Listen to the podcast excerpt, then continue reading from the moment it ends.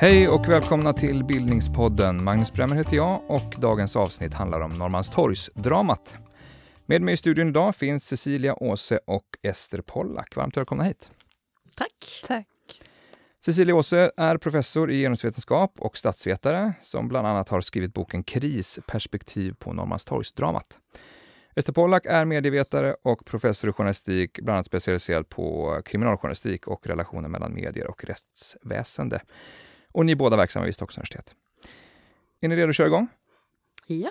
Visst. Då får du börja Ester. För, för lyssnare som aldrig hört talas om Norrmalmstorgsdramat, vad var det för någonting? Det var ett gisslandrama som utspelade sig på Norrmalmstorg vid Kreditbanken där i Stockholm och pågick i fem och ett halvt dygn. Det här var Ja. augusti 1973. Ja, det var augusti 1973. Eh, rånaren Jan Olsson begärde 3 miljoner. Han begärde också att den tidens mest kände brottsling, Clark Olofsson, skulle föras till honom. Han hade flera i sin gisslan. Det blev väldigt mycket förhandlingar mellan polis, regering och kidnapparna eller rånarna. Det hela löstes så småningom när polisen fick in eh, gas genom hål i som de hade borrat i valvet till Kreditbanken.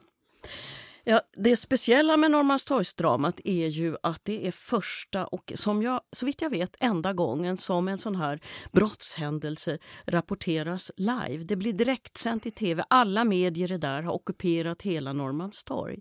Och så är det också kontexten. Det pågår en valrörelse och mitt i den sker det här.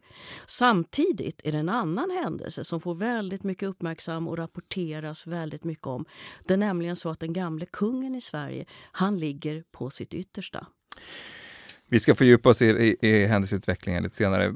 Cecilia, de här händelserna har ju bland annat då gett upphov till ett väldigt känt begrepp, också internationellt, Stockholmssyndromet. Uh, förklara vad det är för någonting.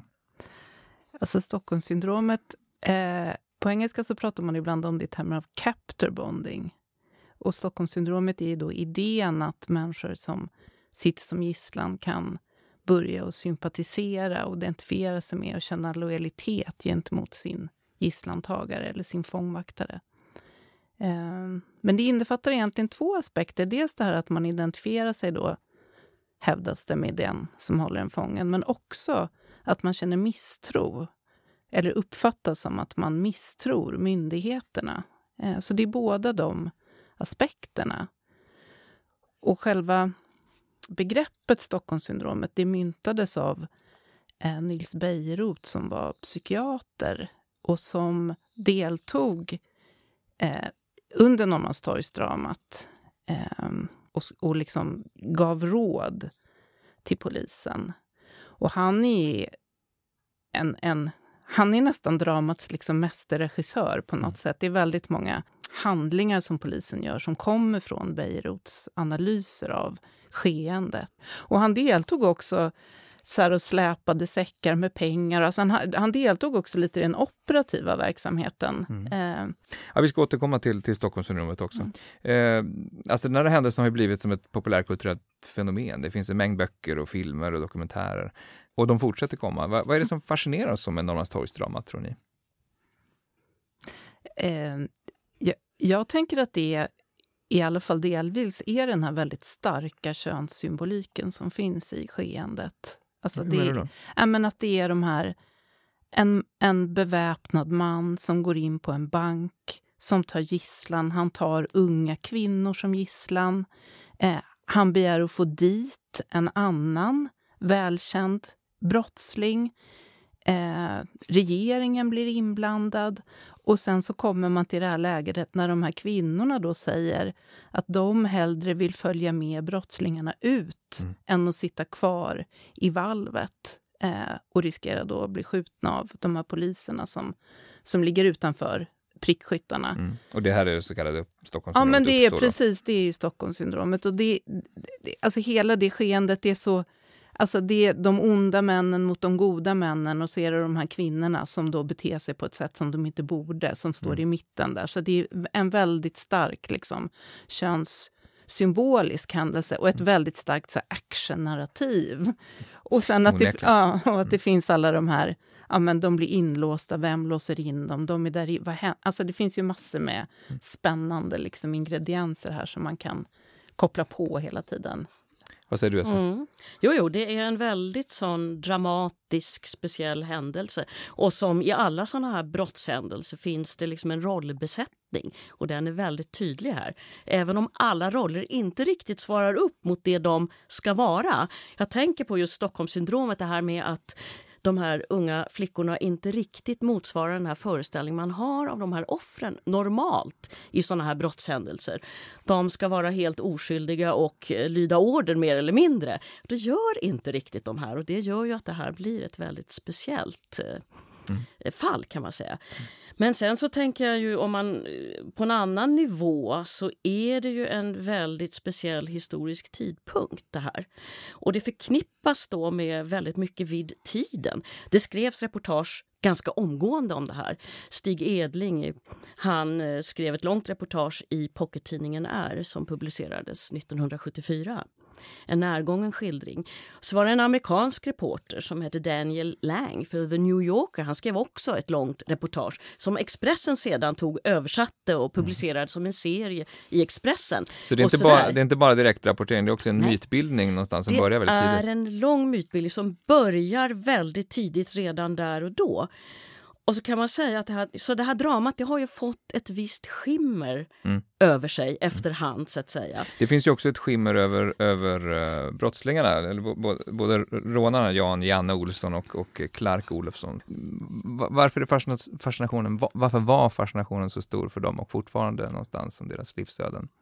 Ja, Clark Olofsson, han var ju väldigt speciellt. Man kan ju säga det här, den här tiden, folkhemstiden, Eh, är ju en alldeles särskild tid. En del vill säga att det här var liksom slutet på en period, andra att det var början på nästa period och ytterligare en, ett sätt att se på det är att en brytningstid, det är nog det senare jag tror är det rimliga. Men Clark Olofsson han var liksom barn av revoltens år på något vis.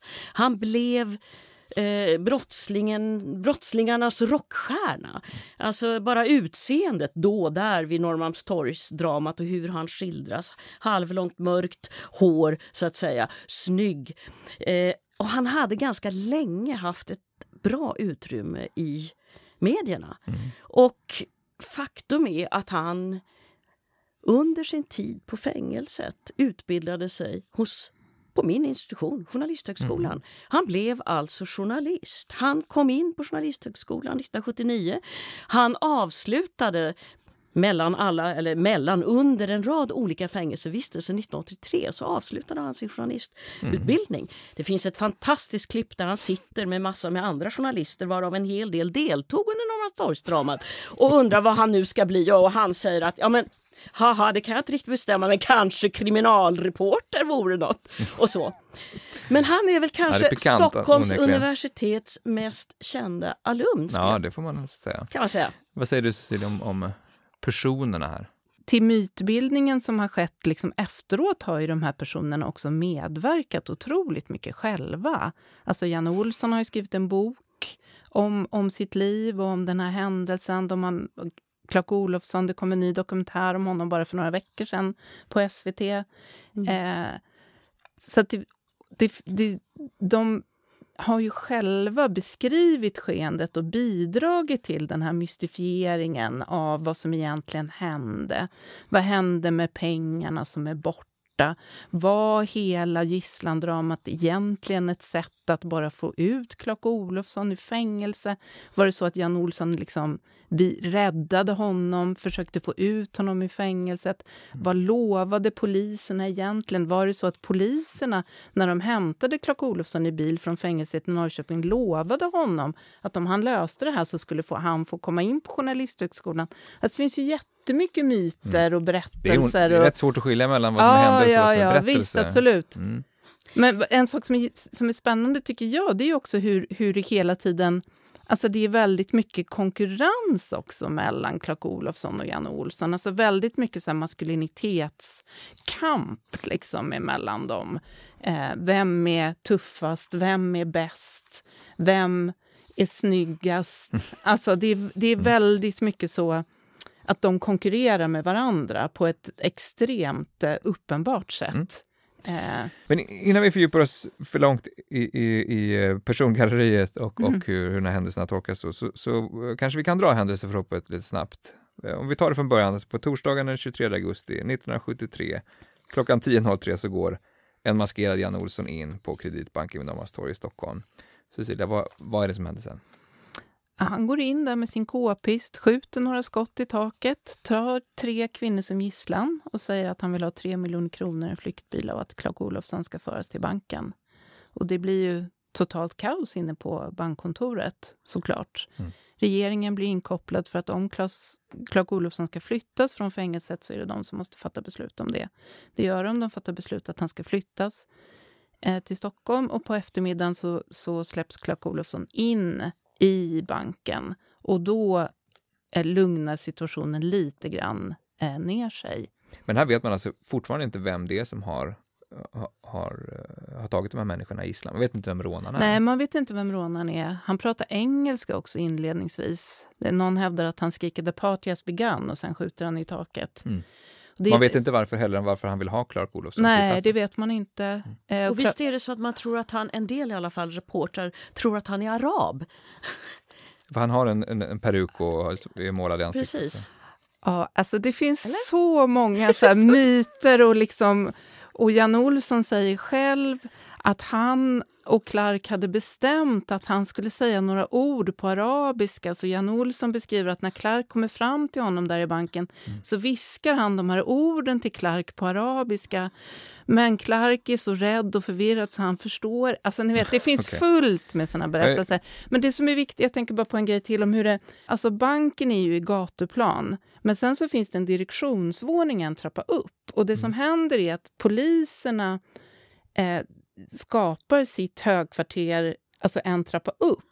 Så en trappa upp ifrån banken så är det fullt med poliser och, och Nils Bejerot och ja, kommissarier och beväpnade personer av olika slag. Och sen så finns det då en trappa från den här direktionsvåningen ner i bankhallen. Mm. Och där är då eh, rånaren och gisslan. Och från början så tar han alltså tre unga kvinnor som gisslan. Den yngsta är 21 eh, och den äldsta är 31. Så det är, och, och så är det en som är 23, tror jag. Och sen tillkommer en man också som har gömt sig i, i något hörn eller i någon liten mm. tambur någonstans. Så när Clark Olofsson går runt och, och ja, kollar läget, liksom, då hittar han den här manliga gisslan. Mm. Nej, men det, det är alla de här poliserna och, och liksom polisledningen som är en trappa upp. Sen är det en bred trappa ner. Och där eh, går ju poliserna flera gånger ner eh, för att försöka och liksom skjuta och någon gång skjuter de samtidigt som de har lovat att de inte ska skjuta. Ja, och så vidare och så vidare. Och utanför, alltså på andra sidan gatan där, så ligger ju Berzelii park. Och där är det också fullt med ett gäng med prickskyttar som ligger med sina vapen riktade rakt in mot banken.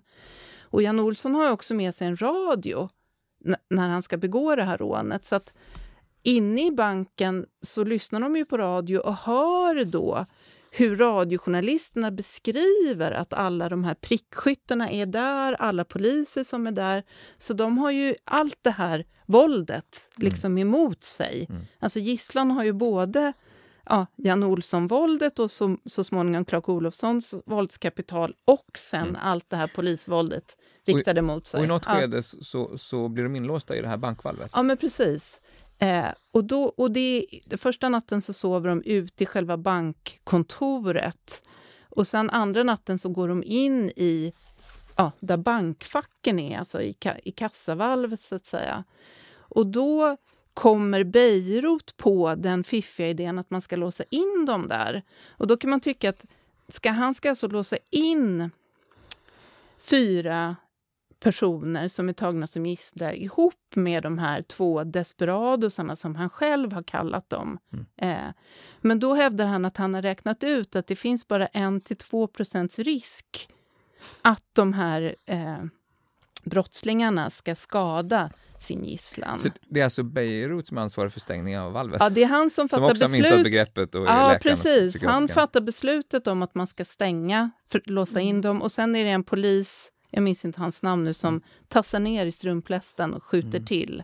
Har han dörren. inte någon lång stång som han skjuter på den där dörren, tror jag någon, någon beskriver. Ja. Så där, det är där dramat så att säga, utspelar sig, den här övervåningen där eh, polisen sen försöker eh, borra sig in för att spruta in tårgas Ja, vidare precis. in i det här Precis. bankvalvet där, Ja. de, där de då är fångade. Ja. Hur länge pågår det? Ja, det pågår ju allt som allt i drygt fem dygn, så de är väl inlåsta i det här lilla, lilla utrymmet i, i tre dygn Mm. då ungefär. Ja. Vi- Vilka är de mest kritiska situationerna under, under de här dagarna? Alltså förutom det här att de blir inlåsta, det, det är ju helt avgörande såklart. Eh, och för gisslan så innebär ju det att de är inlåsta i ett otroligt litet utrymme eh, ihop med de här två våldsverkarna. Mm. Otroligt skrämmande såklart. Och det är statens företrädare som har låst in dem här. Mm. Och sen så börjar man ju då eh, borra, för man kommer på den här idén att man ska borra hål i taket och spruta in gas.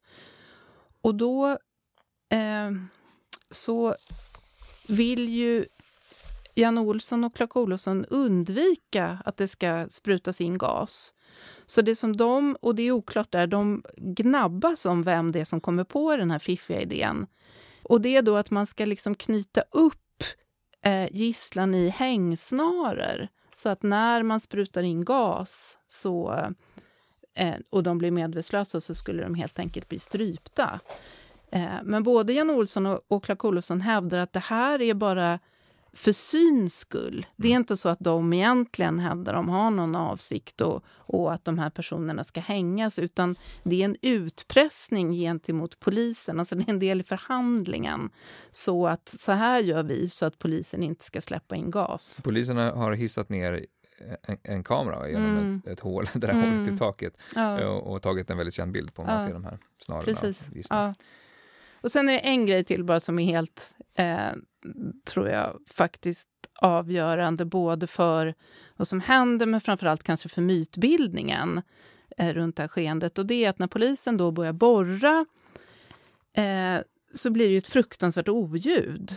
Eh, och de har samtidigt, de har inte bara sänkt ner en kamera där i bankvalvet, de har också sänkt ner mikrofoner så de hör ju precis vad som händer.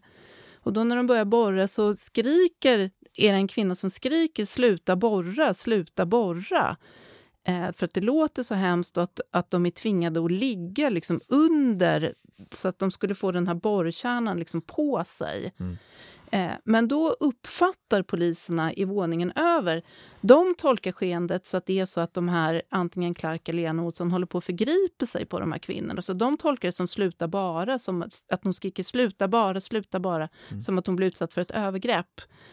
Och det ryktet om att kvinnorna har blivit utsatta för övergrepp, det sprids sen vidare, bland annat i den här New Yorker-artikeln som du pratade om, Ester. Mm. Mm. Och, och det är det som sen gör att, att begreppet blir internationellt också och plockas upp av FBI och så vidare. och Så vidare. va? Så det är hela den här ja, mytbildningen liksom runt att de skulle vara ut, ha varit utsatta för olika Mm. övergrepp där. En sån här väldigt känd sak är också att, att en person i gisslan, Kristin Enmark, vid något tillfälle har kontakt med Olof Palme, alltså dåvarande statsministern. Mm. V- eh, vad vet vi om det där egentligen?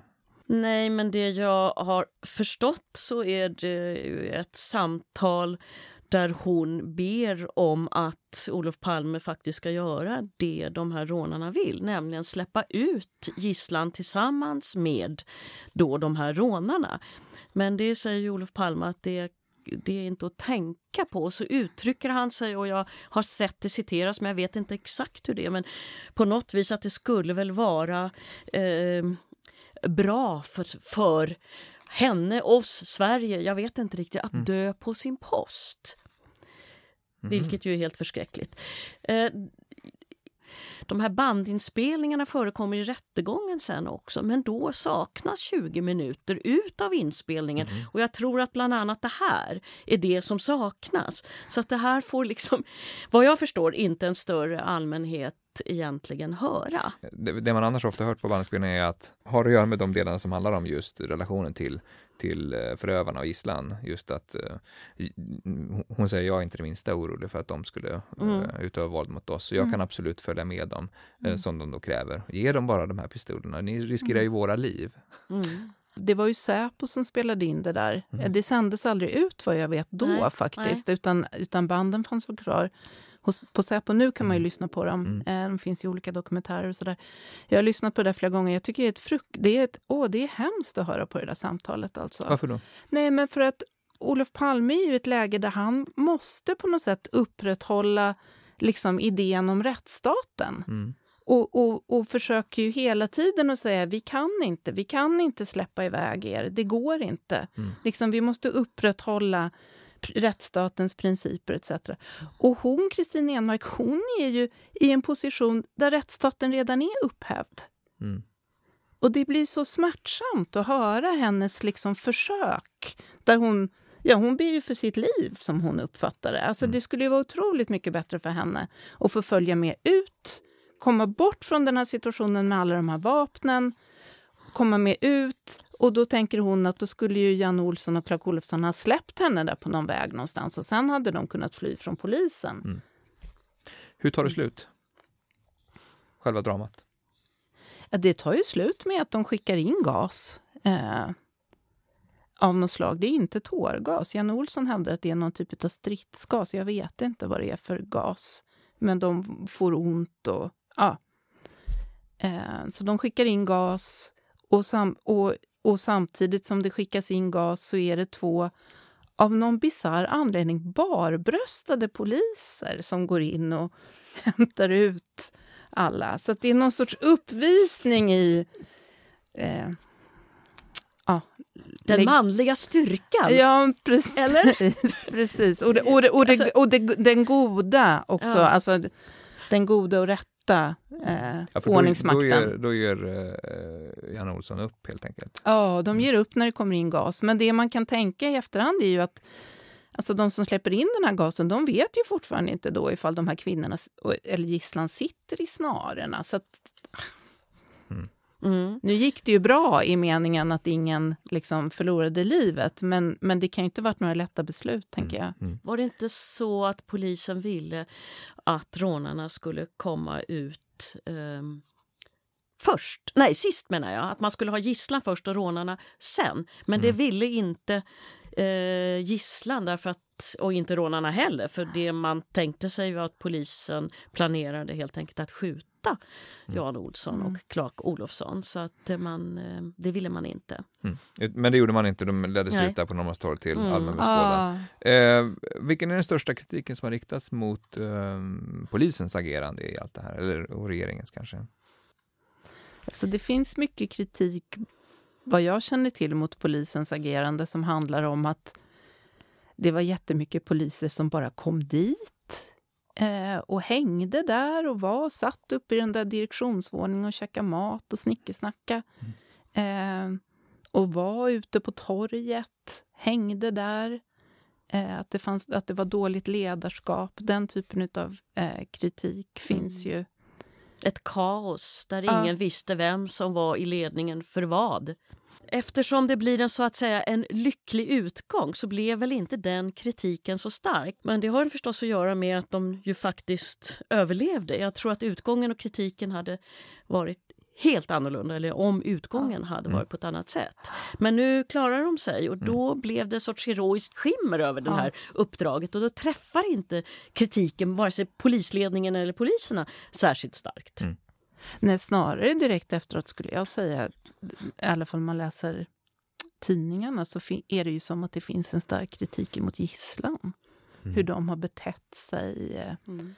De skriver om Kristin Enmark att hon ser oförskämt pigg ut. Alltså det finns någon sorts mm. underminering, eller mm. underminering är för starkt ord, men det finns misstänkliggörande ett misstänkliggörande av dem, att de på något sätt har betett sig felaktigt och illojalt. Och var en maskopi med uh, Vilket kontrasterar uh. mot den bild som man på många sätt gav i kontext av diverse olika terrorhändelser i Sverige tidigare och när man trodde att kanske att rånarna var terrorister och hur som mm. helst så var de förfärliga på, och utgjorde ett, jo, utgjorde ett verkligt hot. Mm. Och då blev det liksom inte riktigt begripligt det här med att gisslan försvarade dem och så. Det var en väldig kontrast där. Mm. Men också en kontrast i och för sig av bilderna av de här två rånarna. För Clark han återfår ju verkligen hjälteglorian så småningom. Mm. Eller vad ska jag säga, han blir ju antihjälten. Mm. Alltså sån här typen figur som finns inom brottsjournalistiken. Mm. Hjälte trots att. Mm. Mm. Vi, vi, dags att fördjupa oss i den där just, bara, just bilden av den här händelsen. Det är ju dels en händelse på plats. Eh, alltså, människor kan ju komma väldigt nära den här platsen. Eh, kommer till Norrmalmstorg och väldigt nära själva banken. Det är också fullt av, av journalister och det direktsänds i, i, i både svensk tv och internationellt. väl. Eh, hur, hur, dels hur snabbt var journalister på plats, Ester? väldigt snabbt. Mm. De hade lite tur, höll jag på att säga, nämligen att kungen låg för döden. Det gjorde han inte i Stockholms slott utan på lasarettet i Helsingborg. Men Stockholms slott skulle så att säga äh, sänka fanan när det hände och det ville man bevaka så att enligt eh, uppgifter så stod det då en vit så kallad OB-buss utanför slottet och väntade och iakttog fanan. Ja, det är bara några, några, hundra meter bort. Det är bara några hundra meter bort från Norrmalmstorg så att man kunde väldigt blixtsnabbt omdirigera den här OB-bussen. Så man var i princip där lika snabbt framme som, som poliserna och belägrade på samma sätt. Alltså det fanns prickskyttar men det fanns också kameramän precis överallt, i träden och på taken och överallt där de fick komma åt.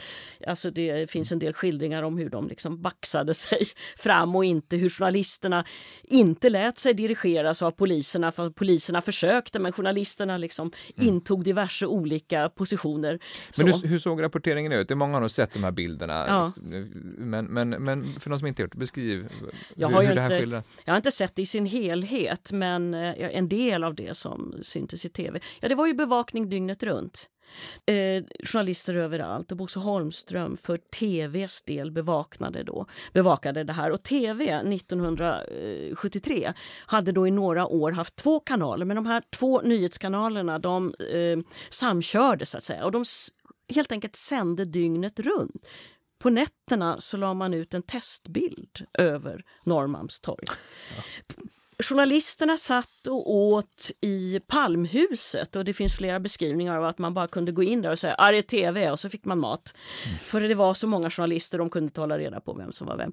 Men alltså dygnet runt, journalister sov där, flera gjorde Men det var ju också radioreportrar och radion hade direktsändningar hela tiden. Så att det var en enorm intensiv bevakning.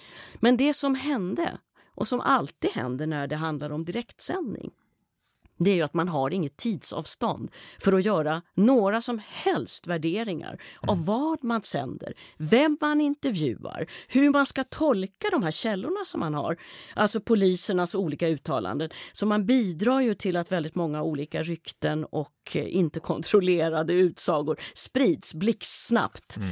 Eh, man bidrar ju till att jaga fel så att säga person som ju polisen tror är en av rånarna till exempel. Eh, det kanske inte var det, ja, det största ja. Hansen ja. Hans mamma är väl till och med med och vädjar i radion om att han ska komma ah. ut fast han jag befinner tror... sig på Honolulu. Ja, exakt. Jag tror de tar dit hans lillebror, en, ah. en kille som är 17 år som föses ner från den här trappan som Cecilia... Av Bejerot. Av Bejerot. Mm. Föses ner och ska liksom börja prata med sin storebror. Och när han hör honom så... Ja, men det här är ju inte brorsan och han blir ju ganska knäckt. Så det... Brorsan är väl på, lite på flykt också, hör, hör av sig från Honolulu via ja. medierna på något sätt. Ja, ja, ja, ja, och jag tror faktiskt att eh, det är en och annan som får göra en utflykt så småningom till Hawaii och hämta hem honom. Mm, mm. Tjusig tjänsteresa. Mm. Ja, nej, men det blir ju en extremt intensiv rapportering och det blir som det blir som sagt var väldigt oplanerat. Och om man tänker sig så här att en direktsändning, ja men allting pågår ju direkt, ja men då kommer vi ju, då är ju det den råa verkligheten. Då måste man förstå att nej, det är aldrig det. Det kan inte vara det. För det pågår så mycket i skymundan vid sidorna om. Det är den verkligheten som fångas där och då. Det är de som låter sig intervjuas. Det är mm. deras uttalanden. Men om det är korrekt, inte korrekt, varifrån de har så att säga sina upplysningar, det vet man inte. Mm. Vilket betyder att det är en alltid är en speciell eh, bild som man får. Och så sammanfattar man också. Man sammanfattar liksom hela tiden vad som har hänt och hur läget är. Och de där sammanfattningarna blir en sorts stående analys så att säga, av vad mm. som händer här och där. Och en hel del blir naturligtvis alldeles fel. Mm. Vi, idag är vi vana vid live-rapporteringar av massa olika slag eh, och, och andra liknande händelser, till exempel 11 september som ju var i viss mån live inför kameror och så. Men är det någonting som skiljer ut? Eh, det, det, det, det, låter som att det här var en ovanligt liksom, intim relation mellan, mellan händelseförloppet och mediernas rapportering och också kanske det faktum då att det, är en, det totalt dominerar svenska medier Ja, det är totalt dominerar och det får ju väldigt mycket kritik för det efteråt. Just den här intensiteten. Man låter så småningom en statsvetare, Jörgen Westerståhl, en statsvetare från Göteborg, göra en utredning av hur det här har sett ut. Och kritiken är ju att det här var ett galet avvägande, att låta det här ta över så helt mm. och totalt. Men det gjorde man. Det var ju ett så förförisk historia och som det ofta det ena mediet driver på det andra mediet. Så att alla måste vara där och hitta så att säga sina perspektiv och vara Men med. Går det ens att skilja på själva mediehändelsen och den, den verkliga händelsen? Så att säga? Om nu radion stod på i banklokalen som Cecilia sa förut. Ja, det är ju väldigt svårt att göra det förstås. Men mediehändelse, alltså är det här en mediehändelse? Man kan säga att det utvecklas till en mediehändelse. Det är inte en mediehändelse i det begreppets ursprungliga mening okay, som två forskare har myntat. Jo, för mm. det är en mediehändelse som då Diane Katz och, och Elia, eller Daniel Danjan hette han, Elia Katz myntade en gång i tiden. Det är en, planerad, en händelse som planeras tillsammans med flera institutioner. Fotbolls eh, tävlingar till exempel, mm. spel, eller stora kungabröllop. Alltså tv ofta då, eller andra medier också, men ofta är det tv, arrangerar en händelse, planerar den i mm. förväg mm. tillsammans med andra arrangörer och lägger till rätta och förhandlar. Det är en ursprunglig mening, en mediehändelse. Och här var det bara Janne Olsson som planerade den här Ja, det här blir ju, den här planeringen pågår ju under hand. Mm. För att alla de här institutionerna är på plats, eller representanter för dem. så att säga. Och det pågår hela tiden sådana här förhandlingar, också mellan polisen och journalisterna och vad som mm. ska ske, på vilket sätt och så vidare.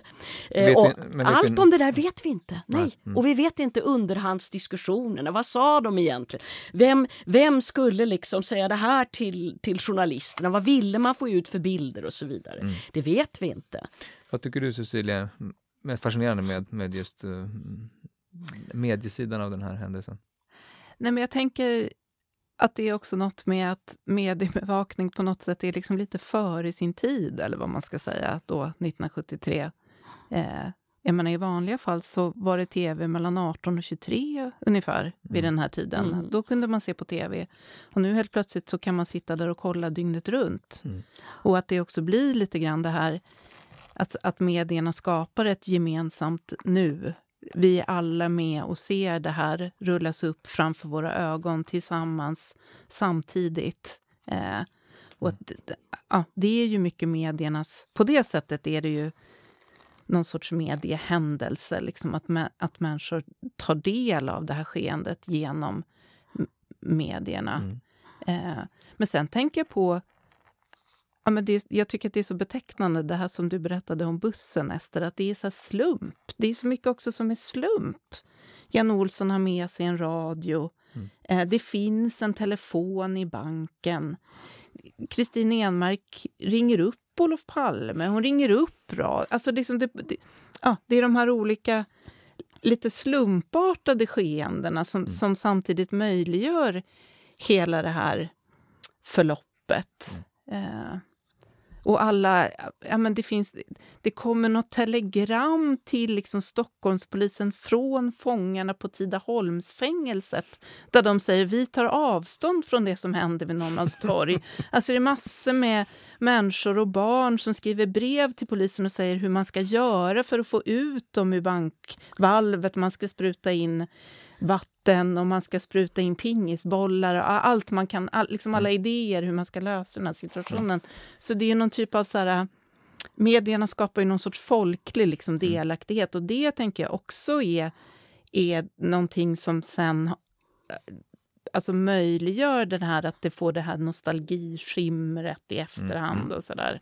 Ja. Det, det är ju på så många plan en, en sån Mm. unik händelse, men går det, att- går, det sätta, går det ändå att sätta in den här händelsen i ett, eh, i ett, liksom ett historiskt sammanhang? Jo, men det gör det nog. Eh, Det säger en hel del om 70-talets journalistik.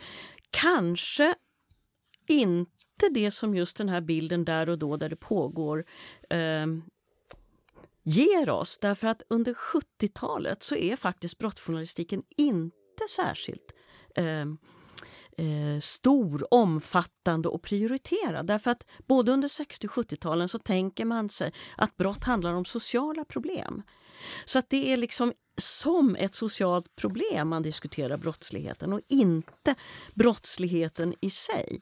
Och man har också stor förståelse för att brottslingar finns, beter sig, för de är ju ett resultat av en rad omständigheter som man tänker sig.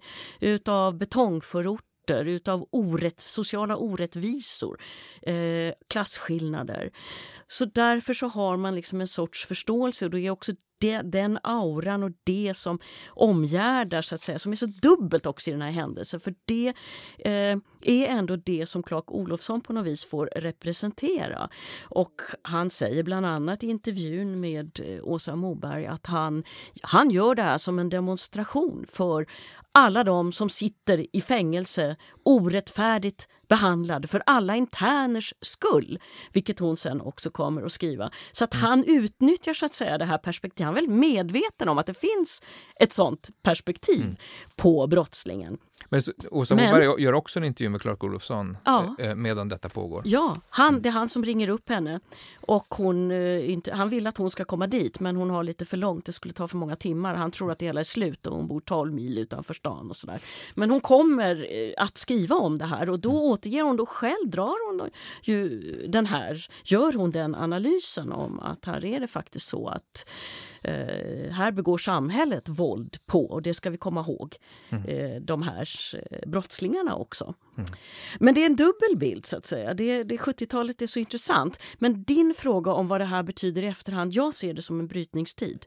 Det här är liksom sista, den sista tidpunkten, mitten av 70-talet, när det som kallas för behandlingsideologin verkligen står i fokus. Alltså idén tanken om att man kan behandla bort brottslighet. Att det bästa man kan göra det är att behandla de här offren för samhällets orättvisor så kommer de att kunna återgå så att säga till ett liv, ett vanligt liv. Men man har börjat ifrågasätta det för man hittar inte några goda resultat av vad faktiskt behandlingsideologin och behandlingar av olika slag har gett. Och alldeles strax efteråt så kommer det nya idéer. De är på väg. Liksom. Det finns eh, eh, en grupp som sitter och tänker ut och det kommer en rapport från Brå om nytt straffsystem och då är man på väg till en mycket mer repressiv hållning. Och jag tycker att jag ser den här händelsen som så att säga att den är en av många faktorer, inte bara naturligtvis inte, men en av många faktorer som pekar åt det här hållet. Det är en mycket mer repressiv kriminalpolitik. Det är ju, händelsen görs ju ofta till en, en sorts tröskel i svensk modern historia. Uh, varför får den den uh, digniteten i historieskrivningen? Ja, men det är som det är med många sådana här kollektiva och i synnerhet medieminnen. De pekar i, först i sin tid pekar händelsen på så att säga den konkreta tiden på ett eller annat sätt. Men så småningom så kommer de att peka ut eh, den tiden så som vi ser den senare. Ja, för det som är tiden det är att kung, kungen, det som Ja. har nämnts, kungen, kungen är på väg att dö och det är val, eh, Socialdemokraterna ser ut att förlora Och- makten. Mm, och det finns ju en analys som somliga gör, kanske Cecilia som statsvetare vet mer om det, men att Socialdemokraterna faktiskt vinner det här tack vare att det blir en sorts fördröjning i det borgerliga övertagandet som kommer 1976. Men 1973 så vinner då till slut fortfarande Socialdemokraterna och att Olof Palme förmår utnyttja det här och hela valrörelsen det här om vi måste behålla vår trygghet, det gamla goda folkhemmet, att man spelar på den här händelsen också och att det faller så att säga i god jord. Det är ju en sån analys som görs. Vad säger du det? Jo, men absolut. Eh, Jag tycker att Palmes, liksom hur han hanterar den där situationen, är extremt så spännande. För att dels så är det ju ett läge att vara så här, statsmannen på något sätt. eh, och den som står för rättsstaten och vi måste upprätthålla rättsstaten. Och är man det, hade, hade det slutat på något annat sätt så hade ju Socialdemokraternas artiklar med Rösta för tryggheten varit, alltså de hade ju varit jättesvåra att stå bakom. Och samtidigt så är det ju det är väldigt spännande det där för att jag menar, nästan alla såna här kollektiva krisupplevelser eller, eller liksom svåra skeenden som, som, som man går igenom och de som utspelar sig i medierna. Alltså Norrmalmstorg och sen har vi Palmemordet och tsunamin och, och Estonia. Alltså, vid alla de här kriserna så kommer ju den här, det här narrativet om att vi har levt i vi har varit naiva, vi har varit oskyldiga. Nu har Sverige förlorat sin naivitet. Nu mm. har Sverige vuxit upp. Nu, nu går vi in i något nytt och lämnar historien bakom oss. Så att det, jag tänker om de där berätt, eller det där sättet att förstå kris som att nu går vi in i något nytt. Nu lämnar vi det gamla bakom oss. Nu är vi inte längre oskuldsfulla. Alltså att det är snarare ett sätt att hantera kris. Mm än att det faktiskt historiskt betyder det. Innan vi slutar måste vi prata lite mer om Stockholmssyndromet också, tänker jag. Eh, Cecilia, du nämner att Beirut är den som myntar det här, men hur, hur, hur blir det ett begrepp? Nej, men alltså, Beirut är otroligt intressant. Han har ju en föreställning om att människor är rationella och handlar rationellt. Och Det är därför som han också kommer på den här idén om att låsa in dem i bank, bland bankfacken han, han tänker att de här rånarna de kan inte tjäna någonting på att ha ihjäl de här gisslan. Därför är det okej att låsa in dem. Men alltså, hans syn på rationalitet går ju den tar stopp. Alltså den är helt könspräglad. Han ser männen som rationella aktörer, men han ser inte alls kvinnorna som rationella aktörer. Utan de här kvinnorna i gisslan, de hävdar han blir emotionellt präglade och förälskade då i de här männen. Och det är därför som de vill följa med männen ut. Det är därför de blir liksom illojala, uppträder sig illojalt emot ordningsmakten och emot staten då i förlängningen. Och jag tänker att Alltså det är så fascinerande tycker jag när man, när man tittar på de här beskrivningarna och Kristin Enmark som sitter i gisslan, hon, hon publicerar ju en, en, egen beskrivning av sin, sin upplevelse i när Nordisk kriminalpolis där hon, där hon ju förklarar var, varför hon kände sig rädd, varför hon var rädd för polisen. Hon beskriver den här situationen jättetydligt. Där är de i banken, de har de här Jan Olsson med sin k-pist. Ovanför dem är det poliserna som är beväpnade i våning från ovanför.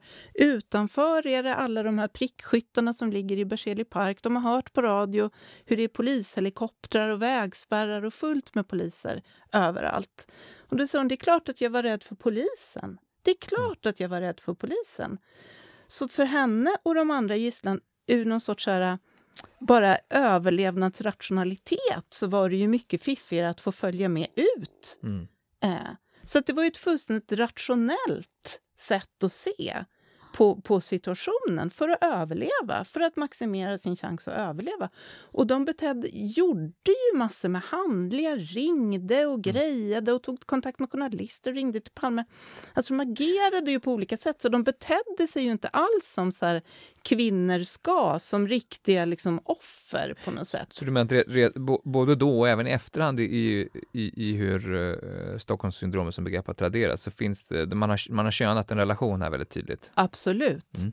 Mm. Och, och, och alltså, ska man hårdra det lite grann så handlar det ju om alltså att statens uppgift är ju dels att upprätthålla våldsmonopolet.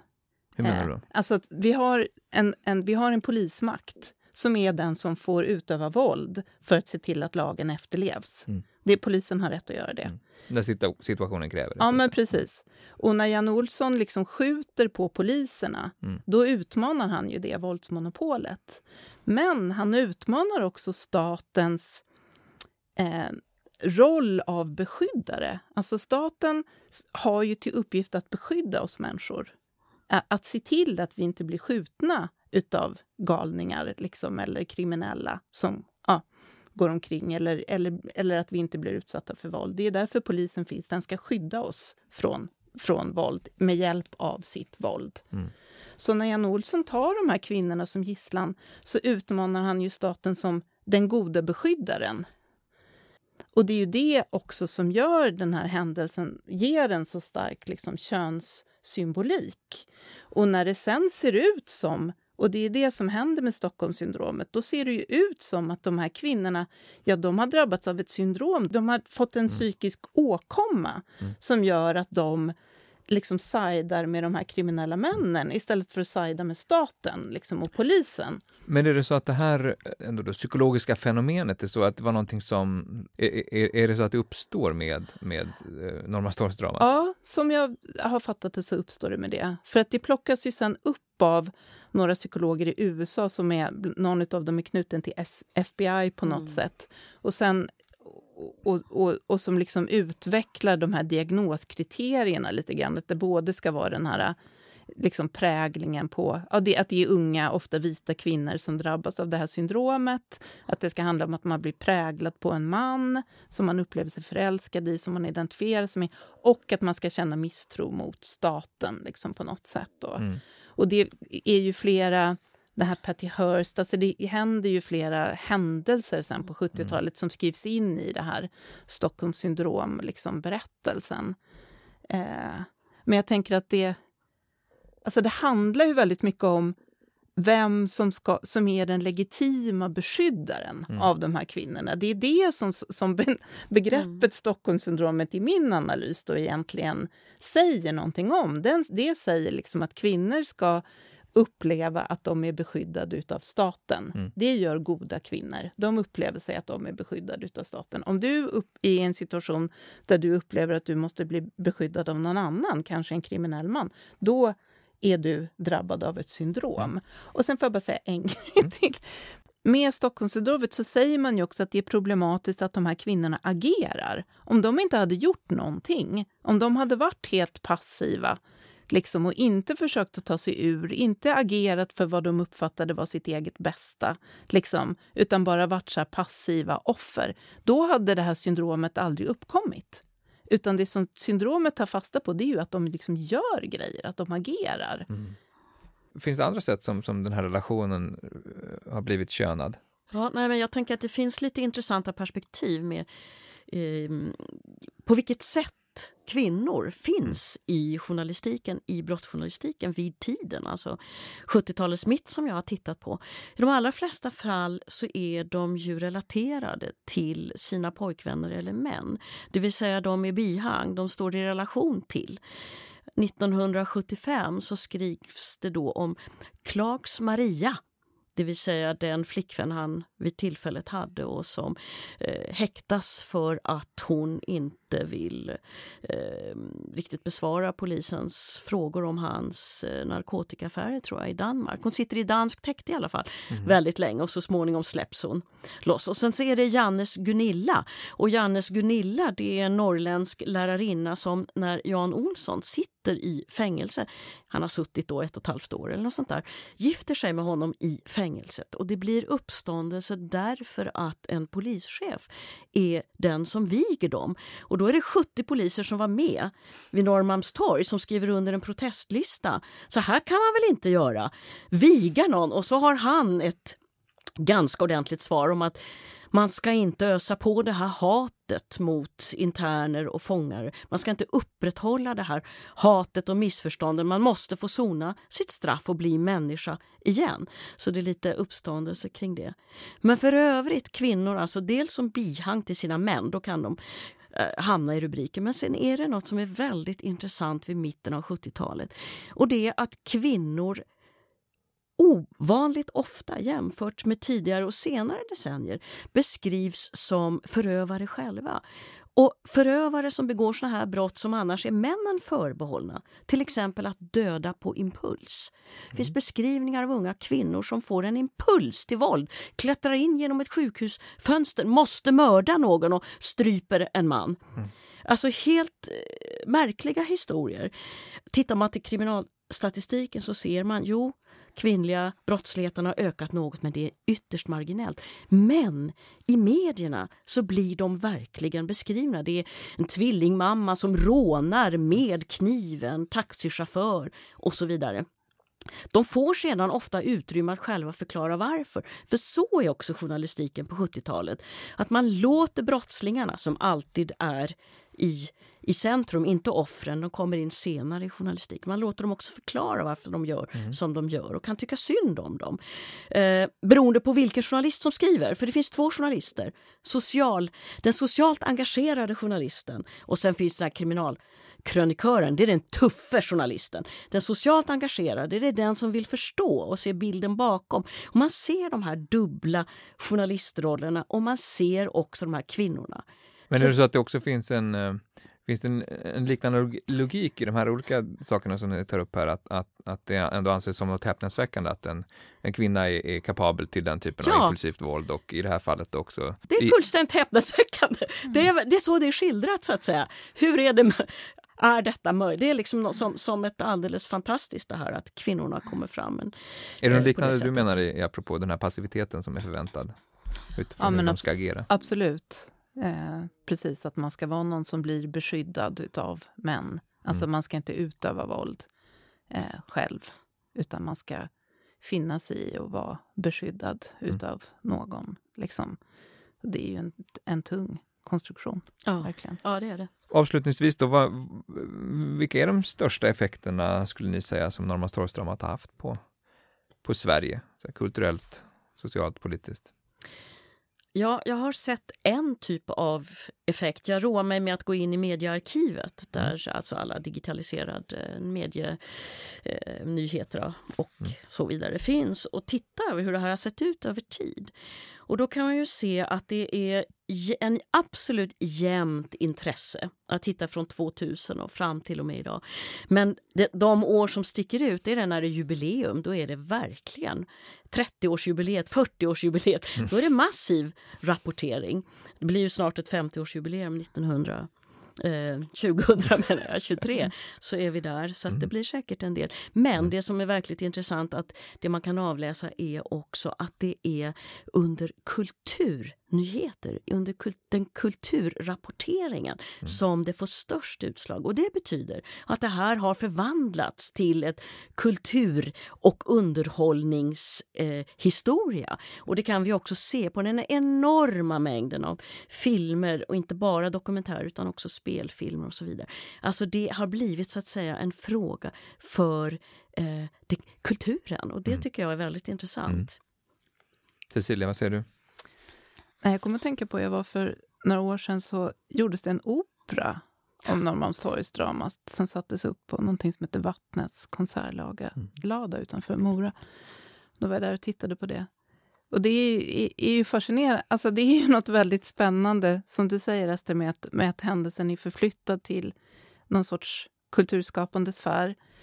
I den där operan, då lyckades de väldigt väl, tycker jag, också förmedla inte bara den här lilla mys action liksom berättelsen, utan också det, hem, det hemska faktiskt. Och bland annat så, så var det en av de här kvinnorna som satt i gisslan, hon som var yngst, hon bestämde ju redan under gisslandramat, redan när hon satt som gisslan, så sa hon att hon, hon skulle byta namn. Eh, och hon ville aldrig mer liksom, vara den här personen som, eh, som hade suttit som gisslan. Och hon försvinner sen. Det, det, går inte att hitta henne. Alltså hon finns inte. Det finns inga intervjuer med henne. Det finns det ju med de andra gisslan. I den här operaföreställningen då hade de en mimare som, som, alltså som föreställde henne. Hennes karaktär var en mimare som ju var helt stum. Mm. Och det tog mig verkligen, eller berörde mig verkligen, den iscensättningen. För mm. det visade också på att det är inte bara det här nostalgiska, de här folkhems, desperad och sådana. Alltså det är inte bara det här känslosamma narrativet, utan det finns faktiskt också ja, en riktig smärta här. Mm.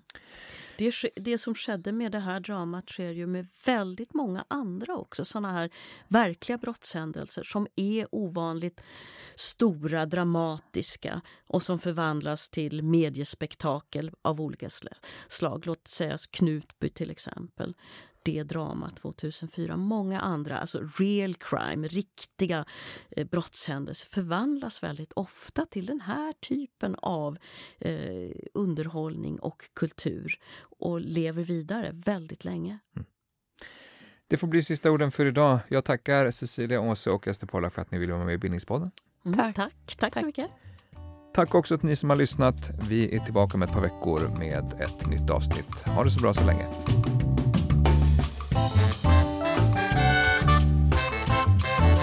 Du har lyssnat på Bildningspodden, en del av bildningsmagasinet Anekdot. Fler poddar, filmer och essäer hittar du på anekdot.se.